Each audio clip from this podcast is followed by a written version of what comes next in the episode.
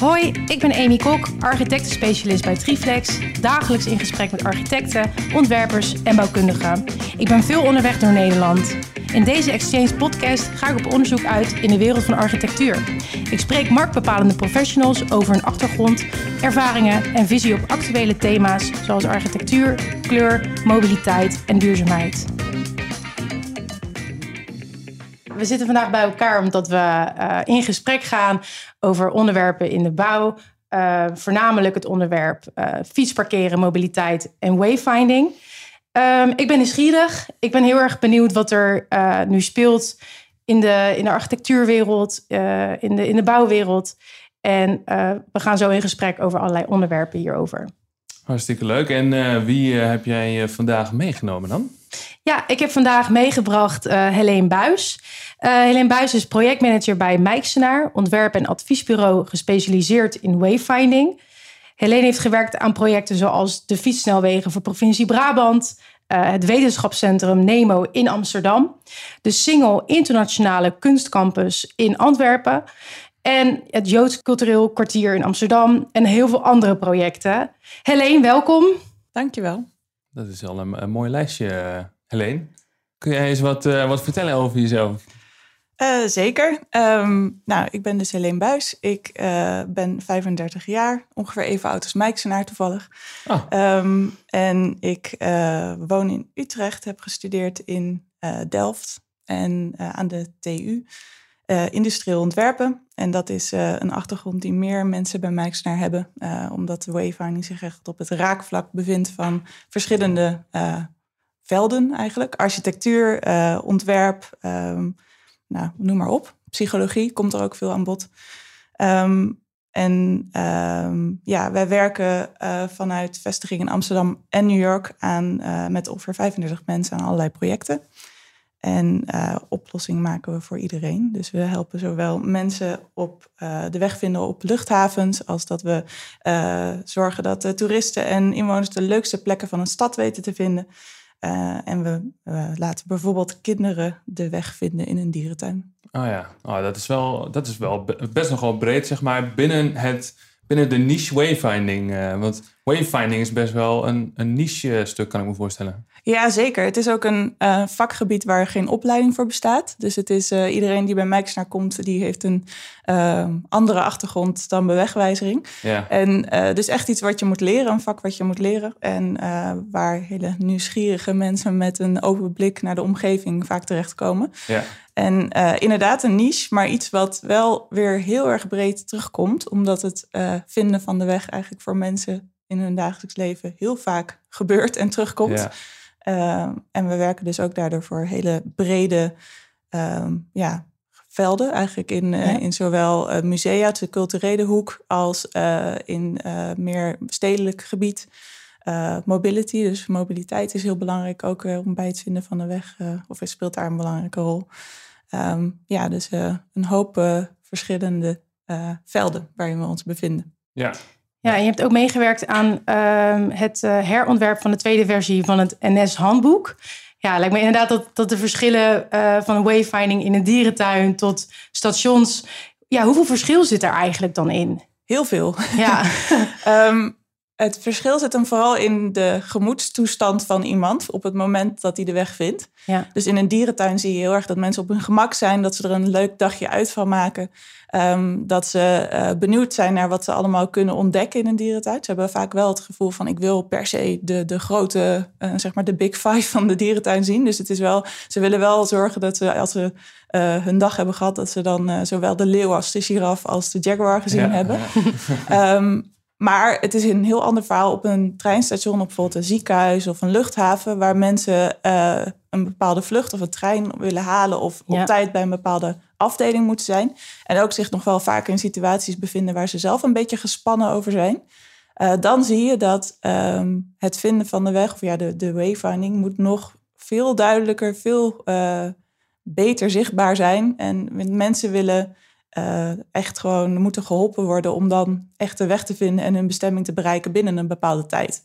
Ja. Terwijl in een dierentuin is het ook niet erg om een beetje te dwalen, zolang nee, je maar precies. niet verdwaalt. Ja, precies. Als je maar niet het bos in wordt gestuurd, dan uh, zit je wel al snel goed. Vind je het wel goed. Het is ook niet erg om een paar meter te moeten lopen voordat je het volgende bord tegenkomt. Ja. Terwijl uh, als jij je vlucht wil halen op Schiphol, dan wil je wel in één keer naar de juiste pier. Ja, zeker als je een beetje onder druk staat, dan uh, is, is het wel fijn als je duidelijk en snel weet waar je naartoe moet. Ja. Absoluut. Ja, ja. dat is bijzonder. Ja, en, um, en hoe is je interesse zeg maar, hierin ontstaan? Want het is best wel een specifiek vak om bezig te zijn met, met wayfinding en uh, ja, de mobiliteit daarvan. Ja, um, nou, ik denk dat ik altijd een bepaalde interesse voor de wereld om me heen heb gehad. Of een nieuwsgierigheid daarna. Ik, uh, mijn moeder vertelde altijd dat ik op als eenjarige met een vingertje in de kinderwagen zat te wijzen naar alles van wat is dit, wat is dit, wat is oh, dit. Ja. Mooi. Um, en die, die, uh, ja, die open blik naar de omgeving, die, uh, die heb ik altijd wel gehad. En het is iets wat um, raakt aan interesses van mij. Zowel, dus je, er zit heel veel in. Er zit een analytische uh, kant in wayfinding. Dus je moet echt gaan uh, begrijpen hoe mensen zich door ruimtes en omgevingen bewegen. wat ze zien, wat ze niet zien. Um, dus die hele analytische kant. En ja, je moet het ook heel erg vertalen uiteindelijk in een plan wat werkt. Dus dat, daar zit heel veel die kant van analytische kant in. En tegelijkertijd zit er de creatieve kant van het ontwerpen. En iets maken wat past bij de doelgroep en bij de klant waar je voor werkt. Ja. Um, en, en dan dus het stuk psychologie. Dus ook echt je ver, verplaatsen in mensen en uh, iets maken wat past. En dat zat ook al heel erg in mijn studie in industrieel ontwerpen. Want dat is en, en heel technisch en creatief. Ja. En dat, ja, dat, daarom is het een goede match. En iets wat, wat ik heel leuk vind, omdat het zojuist zo divers is. Ja, precies. Je moet uh, zeg maar je, je beide hersenhelften goed aan het werk zetten. Ja, zeker. Om, om, jouw vak te kunnen uitoefenen, ja. Je luistert naar de podcast Exchange Ideas van Triflex. En is het dan ook zo dat je uh, in bepaalde projecten daar uh, ja, specifieke leermomenten uithaalt, wat, wat ook weer wordt gebruikt voor andere projecten? Zeker, omdat het dus juist een vak is wat je, je moet leren. Uh, in het begin weet je, je er zijn heel veel um, vrijheden, maar ook heel veel regels of eigenlijk wetmatigheden waar je bijna aan moet houden, omdat uh, er inmiddels bekend is dat dat heel goed werkt in het vakgebied. Dus dan heb je het over dat je borden eigenlijk zoveel mogelijk haaks op je zichtveld wil hebben, zodat het heel goed opvalt. Als het parallel eraan ligt, dan kijken mensen daar eigenlijk niet naar. Mensen kijken vooral naar voren. Ja. Of dat uh, tekst een bepaalde leesafstand moet hebben, omdat als je dan uh, zulke kleine lettertjes op een bord zet, dan zien mensen uh, de tekst niet vanaf een afstand. En dan zullen ze dus ook het bord niet zien. Ja. Of nou, dingen als kleurcontrast, dat iets opvalt in de omgeving. Dat zijn allerlei wetten. Die, die leer je echt uh, door projecten te doen. Um, en daarnaast zit die, leer je ook steeds beter wat dus verschillende groepen en verschillende situaties, uh, wat dat doet en wat dat vraagt van je ontwerp.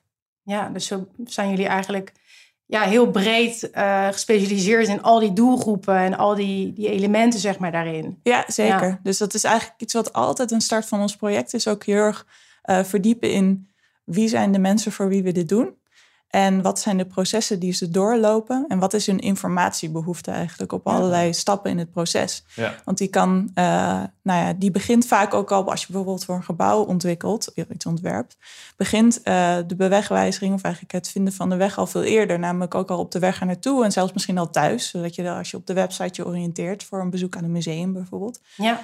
En het liefst denken wij na over die hele reis. En als je daar zoveel mogelijk uh, één vormtaal en één uh, tone of voice gebruikt, dan wordt dat ook veel sterker. Dan kan dat elkaar allemaal uh, versterken.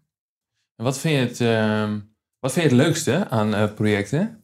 Um, ik vind het heel leuk dat ik op zoveel verschillende plekken kom en iets mag maken voor zoveel verschillende eh, situaties. Ja. Dus dat je um, ja, de ene dag in een museum kan staan en nadenkt over hoe mensen uh, die mooie tentoonstelling kunnen vinden of dat topstuk.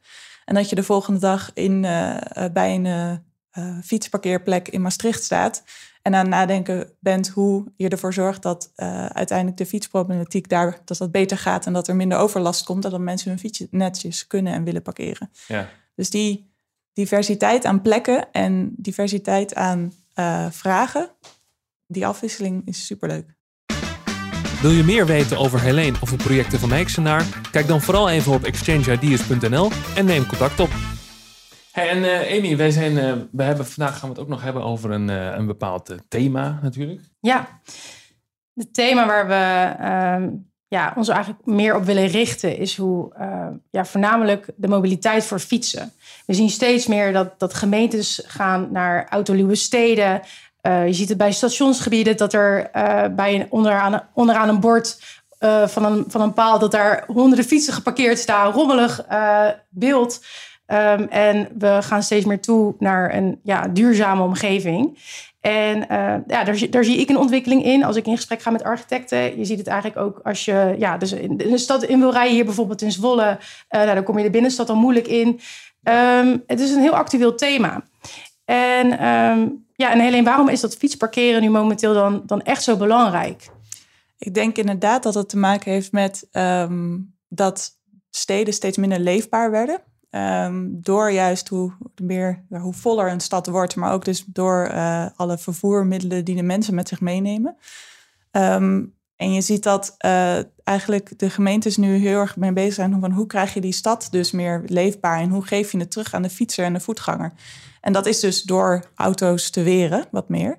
En dus daarnaast om te stimuleren dat mensen ook uh, andere vormen van mobiliteit uh, gebruiken. Duurzaamheid heeft, heeft daar natuurlijk ook uh, mee te maken.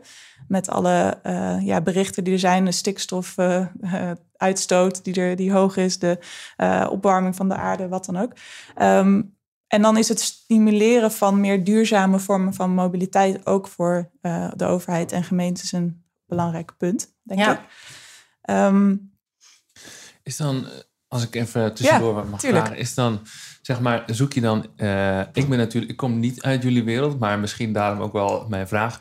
Um, zoek je duurzaamheid dan meer in de, in de zin van, er komen steeds meer fietsen in plaats van auto's, of ook in de zin van, de, we moeten steeds meer fietsen in een rek bovenop elkaar kunnen stapelen, zodat ze zo min mogelijk vierkante meters innemen? Ik denk dat het ene het gevolg is van het andere, zeg maar. Dus je, je, de, duurzaamheidsvraagstuk is dan ehm, hoe zorg je dat er dus minder, ja, hoe zeg je dat? Minder um, vervoermiddelen gebruikt worden die bepaalde uitstoot geven, dus meer de, de groene uh, vervoermiddelen gebruikt worden. Ja. Um, en dan is voor ons meer het vraagstuk hoe zorg je ervoor dat dat dan op een prettige manier gebeurt voor zo'n stad. En dat dus inderdaad uh, je een oplossing bedenkt die in die zin duurzaam is, dat die met de tijd mee kan gaan. En dat ook als er steeds meer mensen op de fiets gaan, dat dat dan ook uh, goed blijft gaan. Ja. ja. En dat heeft er dan inderdaad mee te maken met uh, genoeg capaciteit creëren qua, qua fietsen, parkeerplekken, de infrastructuur, dat je die goed, goed aanlegt. Ja. Een stuk bewustwording en mensen activeren om ook echt op die fiets te gaan zitten en te gebruiken. Streven echt naar een, een gezonde samenleving. In, ja, vanuit de gemeente is ook dat dat een soort van nieuw beleid ook uh, wordt. Ja, zeker. Ja. ja, en dat speelt dan allemaal, dat raakt allemaal aan, aan ons vakgebied weer, omdat bewegwijzering dan belangrijk wordt. Uh, in het zorgen dat mensen ook die weg kunnen vinden en die fietsenstallingen kunnen vinden. En ook, we denken ook altijd graag mee over bijvoorbeeld de plaats waar zo'n fietsenstalling moet komen, dat het logisch voelt voor iemand.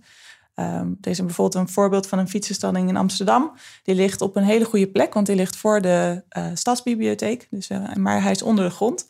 En mensen gaan dan daar naar beneden. En er zit geen verbinding vanuit die fietsenstalling naar de OBA, de bibliotheek, die, die veel mensen dan gebruiken. Dus dat zijn de, de mensen die in die stalling zouden moeten staan. En omdat die verbinding er niet is, zie je dus dat die fietsenstalling veel minder goed gebruikt wordt. Omdat mensen hem eigenlijk gewoon nog hun, hun, fiets op het maaiveld neerzetten en dan naar binnen lopen. Want die weg is dan veel korter. Ja. Dus ook op zo'n manier moet je eigenlijk nadenken over de inrichting van de openbare ruimte, het proces van mensen, om ervoor te zorgen dat als al die mensen op de fiets gaan, dat het dan ook uh, de stad prettig blijft. Ja, precies. Dus eigenlijk zit zeg maar ook opsplitst in um, het, doel kan, het doel kan zeg maar zijn, we willen uh, fietsen kwijt op een plek en dat willen we dan het liefst onder de grond. Want dat is praktisch, uh, dan zijn ze niet in het zicht en daar heb je, kun je veel ruimte creëren waarschijnlijk. Maar er moet dus wel ook um, ja, heel duidelijk al worden nagedacht over hoe gebruiken mensen die fietsenstalling. Want zij komen niet praktisch hun fiets neerzetten onder de grond, omdat het zo lekker praktisch is voor, voor de plek of de gemeente. Zij komen gewoon een boek halen. Bijvoorbeeld. Of uh, zij moeten de trein halen binnen vijf minuten nadat ze mensen timen dat altijd krap. Vooral de, de forensen die, ja. die een dagelijkse rit doen. Die willen dan niet tien minuten kwijt zijn aan het vinden van een parkeerplek of het lopen van een omslachtige route naar de trein. Dus je moet bij het ontwerpen van zo'n zo'n fietsparkeergelegenheid heel erg ook aan die doelgroep en de processen denken. En uh, dat raakt dus natuurlijk weer heel erg aan het vinden van de weg en ons vakgebied. Ja, ja. ja dat is inderdaad zo. Als je van A naar B moet komen, ben je eigenlijk heel erg bezig van oké, hoe laat gaat mijn trein? Uh, ja, eigenlijk heel, je wil zo snel mogelijk naar het station toe. En dan ben je heel erg bezig met, met de route. Maar volgens mij ben je, niet, ben je totaal niet bewust van alle borden en alle bewegwijzering wat eigenlijk op je afkomt. Maar omdat je zo bezig bent van A naar B te gaan, dat het toch qua uh, dat het vanzelf gaat. Dat is een bepaalde stroming of zo.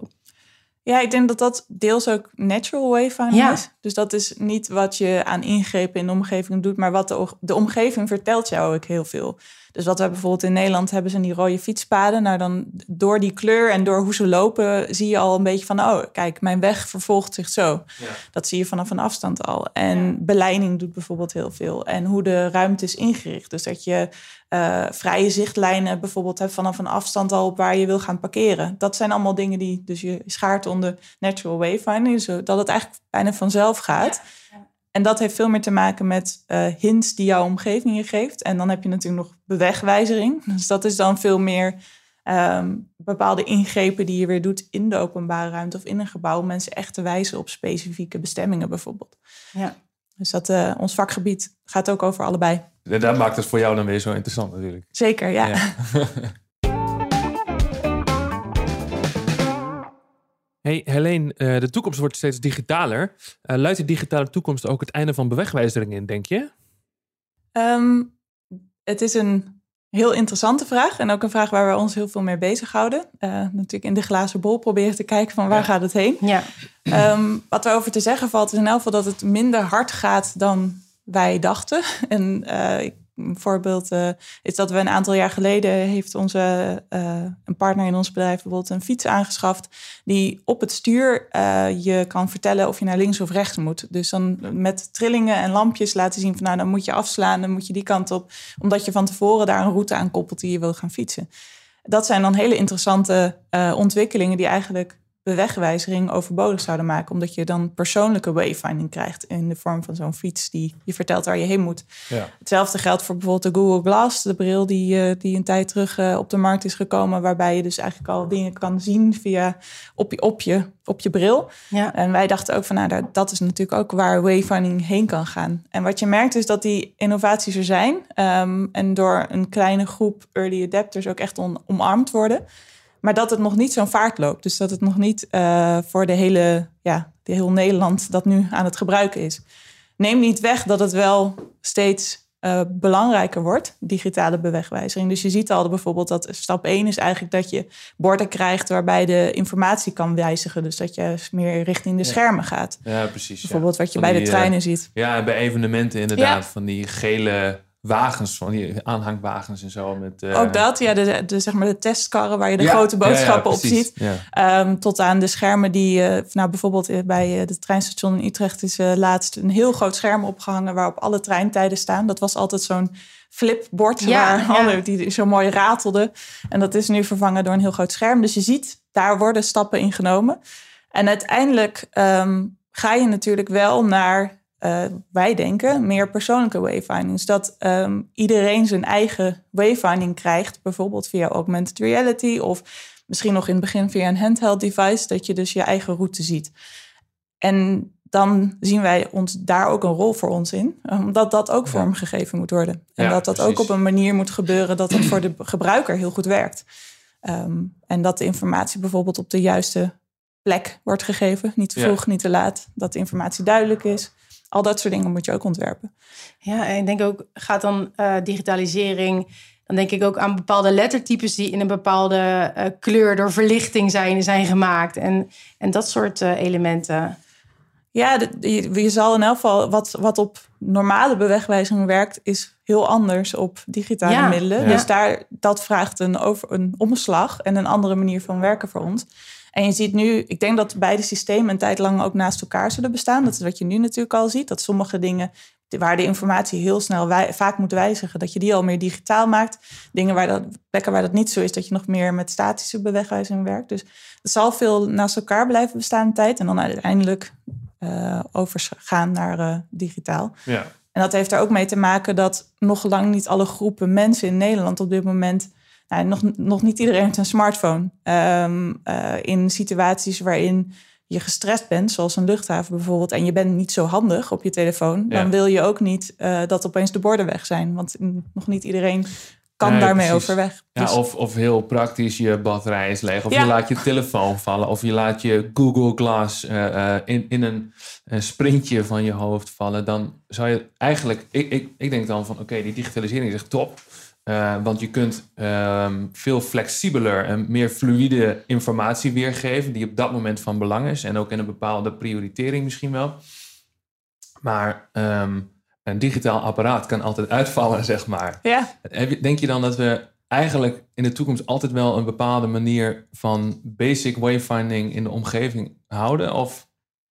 Ik denk dat het dan gaat afhangen van de situatie. Dus bijvoorbeeld in de auto kan ik me voorstellen dat het misschien wel lang nog blijft. Uh, dat uh, bijvoorbeeld in een museum het anders wordt. Dat je daar een, uh, misschien wel een, een, uh, een, app kan downloaden of dat je iets meekrijgt vanuit het museum waarop je de routes kan zien. Ja. Dus dan, want dan kun je zorgen dat dat soort situaties niet gebeuren. Ja. Um, dus ik denk dat het van de situatie afhangt waar, en, en de omgeving ja, waarin je je bevindt. Ja, en je zei net ook iets over de snelheid van, van die ontwikkeling. Wat, wat houdt het het meest tegen? Is dat bepaalde wetgeving? Of is dat misschien wel dat maatscha sociaal-maatschappelijke, dat mensen er nog niet klaar voor zijn? Of? Um, ik denk, um, ja, lastig. Ik denk, denk mensen zelf ook wel. Het, het, uh, dat het, je moet altijd wennen aan dat soort ja. nieuwe, nieuwe uh, of nou, aan innovaties. Um, dat, dat heeft wat tijd nodig en dat gaat wat minder uh, snel dan je misschien verwacht. Dus dat sowieso. Mensen die uh, zullen daar gewoon langzaam aan wennen en, zal, en, in kleine stapjes komen, denk ik ook. Je kan ja. denk ik niet verwachten dat er in één keer een shift gebeurt. Um, wat ook meespeelt is dat je inderdaad moet, moet kijken wat het doet. Bijvoorbeeld wat je zag is dat uh, fietsers allemaal met hun telefoon in de hand gingen fietsen. Wat leidde tot trager fietsen, minder opletten op de omgeving. Wat weer geleid heeft tot beleid dat je nu niet meer met je officieel met je fiets in de hand of ja. met de telefoon in de hand op de fiets mag zitten. Een goede, goed idee is dat, ja. dat dat niet mag, inderdaad. Ja. ja, maar soms eh, als je dan op de fiets zit en uh, je wil een bepaalde route weten, had ik mijn Google Maps openstaan en was ik aan het fietsen met, met mijn telefoon in mijn hand, inderdaad. Maar dan denk ik van Komt dat omdat de, de routing zeg maar, in het gebied dan onduidelijk is? Of um, heb ik mijn telefoon echt daarvoor nodig dan? Dus dan gaat het wel de digitalisering toe. Maar daar past het dan eigenlijk helemaal niet bij.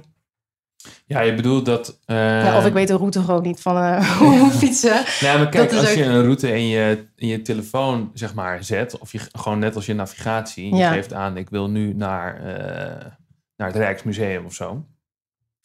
dan moet het apparaat het eigenlijk oplossen voor je. Ja. Alleen er kan altijd een situatie ontstaan dat daar net die dag uh, iets is gebeurd op een weg en dat er aan de weg gewerkt wordt, terwijl, dat, terwijl je app dat niet uh, uh, meekrijgt. Nee, maar. nee, precies. Ja, dan moet je wel terugvallen op de basics. Ja, ja. Ja, en wat ook nog speelt is dat um, bewegwijzering kan. In bijvoorbeeld in een museum heb je, kan je echt zeggen van mensen zijn op zoek naar die tentoonstelling, die tentoonstelling, deze faciliteiten, de winkel, het toilet. Dus daar kan je heel duidelijk een lijstje maken van welke informatie op welk punt uh, belangrijk is. Ja. In de openbare ruimte is dat veel lastiger. Wat je ziet is dat uh, je dus bijvoorbeeld wel naar fietsenstallingen kan verwijzen. Die hebben een vaste plek. Die, uh, die worden door veel mensen gezocht. Um, je hebt de rood-witte borden die echt voor langere afstanden zijn. Die gaan echt vanuit Amsterdam naar Alkmaar bijvoorbeeld. Maar in de stad zelf zijn de bestemmingen zo ongelooflijk divers dat je dat allemaal niet kwijt kan op statische bewegwijzering. En daar biedt dus meer persoonlijke wayfinding en digitale middelen bieden daar een uh, oplossing ja. voor die vragen die eigenlijk gewoon niet te doen zijn met uh, statische bewegwijzering. Ja, precies. Iedereen kan natuurlijk in een uh, buiten in de, in de omgeving, zeg maar, in, zich in dezelfde omgeving bevinden met een totaal andere informatiebehoefte. Precies, ja. ja. Iemand, de ene wil naar een museum toe, de ander die uh, wil naar een winkel die in een bepaalde straat zit. De volgende gaat op bezoek bij je familie, wil een adres weten. Ja. Dus zo divers uh, dat je dat uh, dat dat persoonlijke wayfinding dan eigenlijk de enige oplossing is.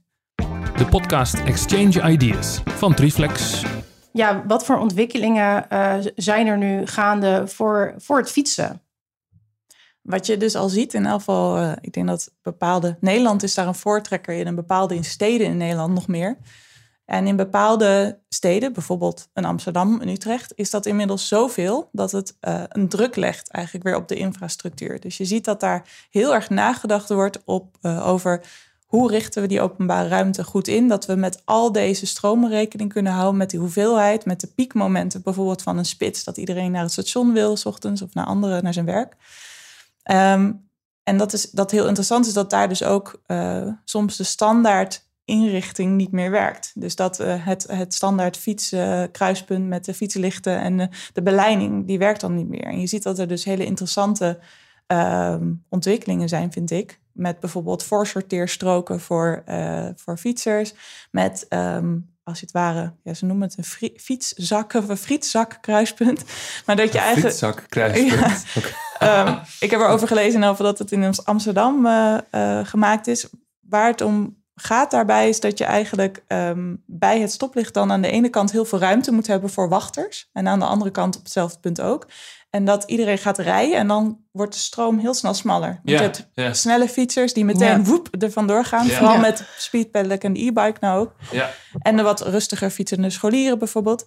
Dus je wil heel veel opstelplek aan één kant. En je, wil heel, uh, je hoeft dat aan de andere kant veel minder te hebben. En wat je dus doet is zorgen dat er dus voor het stoplicht heel veel ruimte is. En aan de andere kant waar je naartoe fietst minder. Maar dat is dan ook minder erg. ja. En dat zijn allemaal innovaties die, uh, ja, die, die komen, die, die nu gebeuren. Omdat er zoveel druk op die openbare ruimte wordt gelegd door al die fietsers. Vooral in, in uh, Ja. steden Ja. en Ja. stadcentra. Drukke steden, ja. Wel in de grote steden. Het is ook zo, ehm, in Rotterdam bijvoorbeeld, daar eh, staat letterlijk een bordje onder het knopje van de, eh, ja, waar je in moet drukken voor, voor de fietsstoplicht. Zo van tussen, tussen 7 en 9 hoef je hier eigenlijk niet op te, op te drukken, want het is eigenlijk automatisch al geregeld. Oh ja. Dus er zit echt een soort van psychologie achter om die doorstroming dan ook eh, ja, te, te, te reguleren. Ja, Ja. je ziet En- dus dat in bepaalde tijdslots ook de stad wordt gegeven aan een bepaalde voorrang wordt gegeven aan een bepaalde groep mensen in het ja. verkeer. En ehm, wat daar dan nog weer een interessant verschil in is, is hoe, hoe steden zijn opgebouwd. Dus bijvoorbeeld in Utrecht en in Amsterdam hebben historische stadscentra met smallere wegen, ehm, veel eh, minder autoverkeer in het stadscentrum ook. Rotterdam, vanwege het bombardement, is heel anders opgebouwd weer vanuit eh, de jaren 50, 60. Toen auto's de, eh, echt gestimuleerd werden om eh, Ja, eh, ja. Een, een stad te gebruiken en ook te rijden naar je winkelcentrum. En dan werden er grote parkeergarages gemaakt. Ja. En je ziet dus nog dat Rotterdam in die zin veel meer ingericht is in grote gebieden van het centrum ook op veel autoverkeer en minder op fietsen. Ja. Dus die eh, slag is daar groter, zal groter moeten zijn nog dan, of een andere problematiek eigenlijk dan in bijvoorbeeld de gemeente eh, Amsterdam of Utrecht, waar Ja. het veel meer gaat over hoe zorgen we dat al die fietsen een plek vinden Ja. en dat ze ook ergens kunnen parkeren bijvoorbeeld. Ja. Dus hoe je stad eruit ziet, maakt heel veel uit voor die transitie al naar meer eh, duurzame mobiliteit. In onze podcast halen we graag verhalen op van buiten. Voor deze aflevering hebben we Mark Oom van NPSA Architecten gevraagd om iets te vertellen over het ontwerpproces van de Mall of the Netherlands in Leidschendam.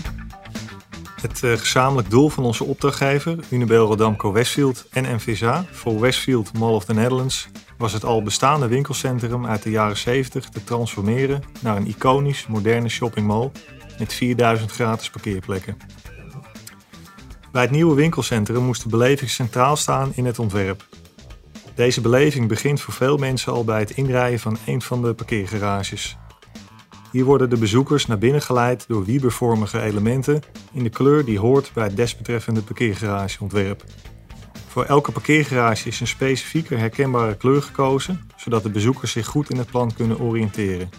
Zo is er bijvoorbeeld voor de parkeergarage bij de Jumbo aan de burgemeester Banninglaan gekozen voor de kleur geel en voor de ondergrondse parkeergarage de kleur blauw.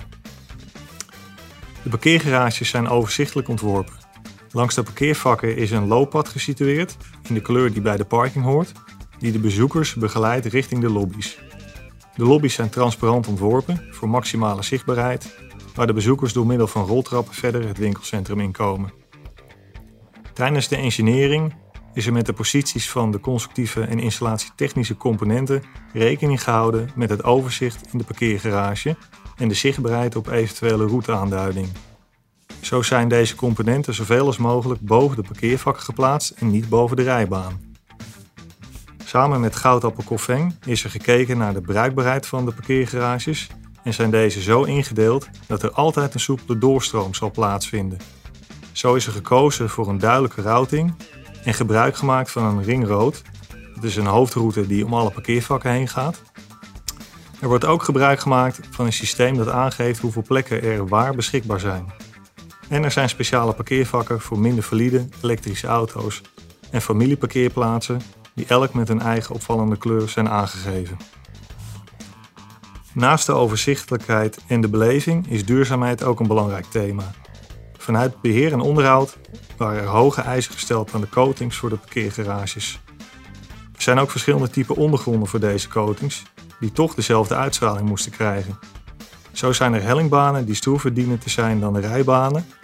En zijn er ook delen waar het dek eerst voorzien moest worden van isolatie voordat er gecoat werd. In Triflex hebben wij een goede partner gevonden die met de verschillende systemen het ontwerp met de verschillende kleuren en ondergronden kon realiseren. Ja, dat is wel een uh, bijzonder uh, project ook. Dus, je, ik, heb, ik ben er zelf nooit geweest, maar wel foto's van gezien. Ja, dat, uh, de Mall of the Netherlands, dat is nogal wat. Ja, ja volgens mij, wat je ook zei, van, dat, dat zie je eerder in Amerika of in, in allerlei andere landen. Um, ja, ik ben er een keertje op zaterdag naartoe gegaan, maar dan sta je echt wel even in de file om daar naar, naar binnen te, te gaan. Dus daarom is het zo'n um, interessant project hoe zij daar de, al in die parkeergarage de mobiliteit hebben gestuurd. Het inderdaad over, over die blauwe elementen, de rode vakken, dat daarin um, ja, al heel veel van tevoren gestuurd is in plaats van met borden. Hoe kijk jij daarnaar? Van dat het al in de kleuren is meegenomen in plaats van met bewegwijzering? Um, ik hoor heel veel goede dingen, want wat, ik heb ook even gekeken naar het project. Wat bijvoorbeeld heel erg opviel is dat de uh, bewegwijzering die er hangt, dat die intern verlicht is. Dus dat uh, helpt een hoop, want dat maakt een bord veel sprekender in zijn omgeving en dan valt de informatie veel op, heel veel meer op. Um, wat ik ook uh, een hele mooie vind, is dat ze het hebben over dat verschillende parkeerplekken voor verschillende groepen een eigen kleur hebben. Als je dat vervolgens ook nog weer terug laat komen op uh, bijvoorbeeld verwijzingen, dus op de bewegwijzing, dan is dat voor mensen een heel intuïtieve manier om zo'n plek te vinden. En ook het onderscheid tussen verschillende plekken wordt dan veel duidelijker. Dus dat zijn uh, hele goede, goede oplossingen geweest. Um, ook uh, wat, wat hij vertelde over vrije zichtlijnen. Dat is iets wat, wat in het vinden van de weg, dus in natural wayfinding, heel belangrijk is. Dus dat je altijd bijvoorbeeld al vanaf uh, verschillende punten in een parkeerdek kan zien waar de opgang naar boven is. Dan hoef je daar niet allemaal verwijzingen naar op te hangen, want dan zie je mensen kijken om zich heen en nou, daar is de roltrap en daar uh, kan ik naar, uh, naar, het, um, naar het winkelcentrum. Wat wel een interessante is, en ik denk ook, wij gebruiken kleur altijd redundant. Dus niet dat het het primaire wayfinding uh, element is, maar dat je het als een tweede laag toevoegt eigenlijk. En dat komt omdat, um, bijvoorbeeld, bijvoorbeeld uh, wat mijn collega vaak noemt, als je naar een vergadering bent geweest en je bent dus bezig met wie daar is en wat het onderwerp van de vergadering, en je vraagt daarna aan mensen welke kleur had het vloerbedekking dan weet bijna niemand dat. Hm, Omdat mensen op dat moment in hun reis nog niet weten dat ze op die kleur moeten letten. En dat zie je dus hier ook. Het is mm. denk ik een hele sterke dat uh, de verschillende parkeergarages hun eigen kleur hebben. Alleen moet je wel van tevoren weten dat je daarop moet letten en dat je dat moet onthouden. Dus ja, als je... Precies, uh, dat had ik ook inderdaad even snel genoteerd. Um, voor, jij, bent even, uh, jij bent daar als gebruiker geweest. Hoe voelde dat? En had jij het idee van, oké, okay, ik weet welke kleur wat is? Nee, maar daar was ik me niet echt bewust van. Maar wel, um, als je de link gaat leggen, wat hij vertelde bij de Jumbo, heb ik geel gebruikt. Ja, tuurlijk, want dan uh, het logo daarvan en alles uh, straalt daaruit dat het een geel is. Ja, dus die herkenning, die herkenning is er dan wel, wel. ingebracht? Ja, ja, ja.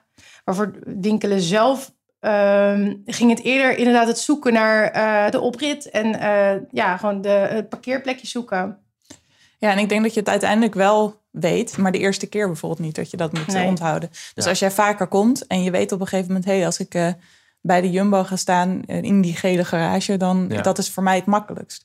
Uh, maar het gaat juist ook om die eerste bezoeker. Die weet dus niet dat hij daarop moet letten. En dan zou je eigenlijk nog een extra laag nodig moeten hebben om... Uh, of bijvoorbeeld vertellen van je moet hier opletten. Ja. Onthoud dat je uh, hier bent gaan staan. En dat is um, het principe wat je bijvoorbeeld op het strand gebruikt of in uh, grote parkeergarages zoals bij Schiphol, daar gebruik je die symbolen vaak. Dus dan zie je, je zit bij, voor kinderen bijvoorbeeld op het strand, is dan je zit bij de B van beer. Want dan weet je dat je terug, als ouder kan je zeggen, let op, je zit hier. Oh, ja, je moet hier terugkomen als je bent gaan zwemmen, want wij zitten hier. Um, zo doe je dat bijvoorbeeld ook bij Schiphol, bij een uh, bepaalde heel grote parkeergarage. Daar kan je staan bij de Tulp of bij uh, de Boerin. Oh, ja, dus dat zijn dan Nederland geïnspireerde symbolen. Maar daar wordt heel duidelijk aangegeven van onthoud dit symbool. En dan kan je dus, weet je dat? Dan ga je weg en dan weet je uiteindelijk weer van, oh ja, we stonden bij de Boerin. Ja, ja want werkt een symbool dan beter dan een cijfer? Um, voor sommige mensen wel, omdat uh, mensen, veel mensen zijn best wel visueel ingesteld. En die vinden dus een plaatje onthouden makkelijker dan een cijfer. Dat is wat abstracter. En ook bepaalde cijfers kunnen door elkaar gaan lopen. Afhankelijk bijvoorbeeld een 6 en een 9. Afhankelijk van welke kant je dat dan weer ziet, is het hetzelfde.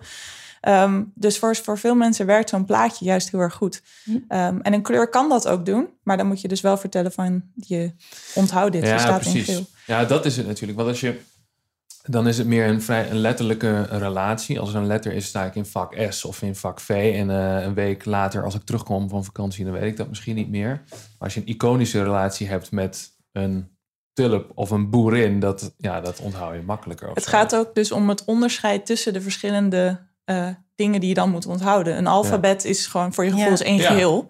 Uh, een boerin en een tulp zijn heel verschillend. Um, dat is met kleuren ook soms lastig. Bijvoorbeeld uh, de nou ja, kleurenblindheid heb je natuurlijk sowieso. Dus als je een groene en een rode parkeergarage hebt... dan ziet nou, uit mijn hoofd 2% van de mannelijke bevolking, bevolking ziet het verschil al niet. Wat toch best wel wat is.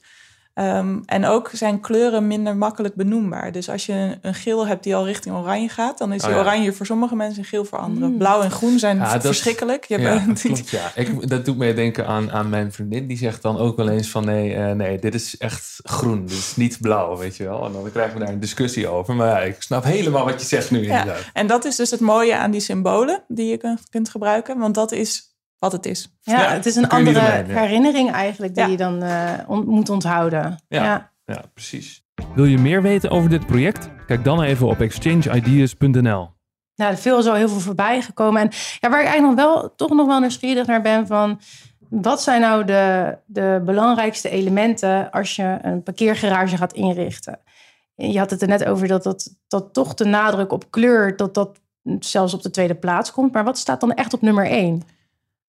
Um, ik denk dat wat, hij benoemde, dat je de routing dus heel duidelijk maakt. Daar kan je, daar kan je in het ontwerp al heel veel mee doen. Um, dat je op een logische plek inrijdt ten opzichte van hoe de parkeergarage zich ontvouwt. Uh, dat je uh, werkt met goede uh, vrije zichtlijnen, dus dat je veel overzicht hebt. Dat kan natuurlijk niet helemaal, want je hebt altijd kolommen nodig in een, in een parkeergarage. Maar je kan wel een hoop doen. Um, licht doet heel veel. Dus mensen hebben van nature heel erg de neiging om naar het licht, te navigeren. Um, er is bijvoorbeeld net in Amsterdam een fietsenstalling geopend die uh, heel mooi, daar, als je daar binnenkomt, dan zie je kijk je langs alle rijen met fietsenrekken al naar de uitgang, waar je zo meteen naartoe moet. En die vrije zichtlijn, en dat is heel mooi uitgelicht ook. En het licht, dat stuurt je als het ware al bijna zo, dan weet je eigenlijk al van ik moet die kant op. Dus dat, en dat is ook wat je ziet dat er heel goed gebeurt in uh, meer nieuwere parkeergarages en veel minder goed gebeurde uh, vroeger. Dat is echt dat lichtplan ook. Dus kijken uh, dat je dus met hoe je plekken verlicht, dat je kan sturen. En dat je ook uh, licht geeft ook heel erg een prettig gevoel. Een, een, goed lichtniveau zorgt voor een hele fijne atmosfeer. En te laag zorgt voor een soort griezeligheid. Ja. Uh, het donkere steegje. En te veel zorgt weer voor een heel uh, klinisch, oogt het heel klinisch, alsof je in een operatiekamer staat. Dus een lichtplan is ook is heel belangrijk hierin. Um, en daarnaast, uh, wat we vaak ook, uh, als je wil zorgen dat je zo min mogelijk bewegwijzering nodig hebt, dan is het ook een hele fijne om die speciale parkeerplekken te gaan groeperen. Dus dan weet je, dat doe je ook in, in fietsparkeergarages het liefst. Dat je zorgt dat iedereen die een afwijkend model hebt, heeft, allemaal bij elkaar staat. Omdat je dan één keer een groep een bepaalde kant op kan sturen. En ook terug weer zorgt dat zij heel makkelijk een plek kunnen vinden. Ja. En voor minder valide is het natuurlijk logisch dat je dat dan rondom de, op het stijgpunt naar de, uh, naar de, naar de in dit geval dan uh, het winkelcentrum plaatst. Dus dat zijn allerlei dingen die je kan doen om ervoor te zorgen dat het uh, duidelijk is. Daarnaast wat je vaak ziet, maar dan ga je echt al meer richting wayfinding, is dat je gaat onderverdelen in de secties met letters bijvoorbeeld of, of die symbolen. Omdat je daarmee ook zorgt dat mensen weer in wat een wat, wat vaak is bij dit soort fietsparkeer- en parkeergarages, dat het elk dek op elkaar lijkt. En dat ook de omgeving natuurlijk een repetitie is van heel veel dezelfde parkeervakken, auto's, kolommen. Ja. Um, dus dat je hulpmiddelen nodig hebt om weer die specifieke plek terug te vinden waar je stond. Ja. Dat wordt dan. Het klassieke voorbeeld van uh, stond ik nou op niveau 2 of min 2 of uh, ja. Inderdaad, want als een parkeergarage heel weinig kleuren heeft, dan maak ik eigenlijk altijd een foto van: oké, hier sta ik. En, en toch ergens een nummer of een deur die herkenbaar is. In plaats van dat je echt uh, die herinnering onthoudt, bijvoorbeeld van een, uh, van een schabloon of iets anders. Ja, ja. je ziet dat veel mensen dat doen. Bijvoorbeeld ook in, in, uh, in Utrecht heb je hele grote fietsstallingen op, die ontwikkeld zijn. Bijvoorbeeld die stationspleinstalling, daar zijn nou ja, duizenden fietsen. Ja. Um, dan wordt het echt op een gegeven moment. Wat je ziet is dat mensen dan, een, als ze er vaak komen, een vaste plek gaan kiezen. Omdat dan kun je het routinematig gewoon doen. Dan hoef je niet meer na te denken en niks te onthouden. Uh, en dat als ze daarvan afwijken, dat je heel veel mensen ziet die, of die niet zo vaak komen, die zie je een foto maken. Dus ja. ook elk rek is, heeft een nummer en heeft een QR-code die je kan scannen, oh, zodat je het kan op onthouden. Ja. Want het lijkt zo erg op elkaar. Um, en wat je vooral ziet, wat, wat een lastig punt altijd is in uh, parkeergarages, bijvoorbeeld als je naar beneden komt bij een stijgpunt. Uh, je ziet het al in winkelstraten. Dat mensen gaan een winkel in en je hebt mensen die dan heel goed weten vanaf waar ze kwamen en hoe je dan dus doorloopt. En je hebt mensen die gaan gewoon teruglopen. Die gaan de winkel uit en die weten dat niet meer. En die, hup, die gaan. Uh... En dat zie je dus ook in parkeergarages gebeuren. Dat je naar beneden komt en niet meer weet. Moest ik nou links of rechts? Waar, waar stond mijn auto nou? Ja. Hm. Dus dan, dan moet je toch, ook, hoe goed je hem ook inricht, je moet toch iets gaan doen met bewegwijzering. Om mensen die plek te, terug te laten vinden. Ja. Het blijft een heel groot onderdeel, bewegwijzering van eigenlijk iedere openbare ruimte. Ja. Ja. Ja, inderdaad, de omgeving. Ja. ja. Mooi. Ja, super interessant. En uh, ik denk als ik nu op een station sta, dat ik even heel anders naar een bord ook kijk. En, ja, uh, zeker weten. Ik ja. ga nu zoeken naar iconen, uh, vrije zichtlijnen. ja, en, ja. licht, hoe is het licht? Kleuren van waar, hoe is daarover nagedacht. Dankjewel voor jouw komst. Ja, echt zeer interessant. Nou, dank voor de interessante stellingen en uh, goede vragen. Ik vond het leuk om hier te zijn. Wil je meer inspiratie? Luister dan niet alleen de volgende podcast, maar bezoek ook onze website exchangeideas.nl. In de volgende aflevering gaan we het hebben over de bouwwereld als renovatiesector.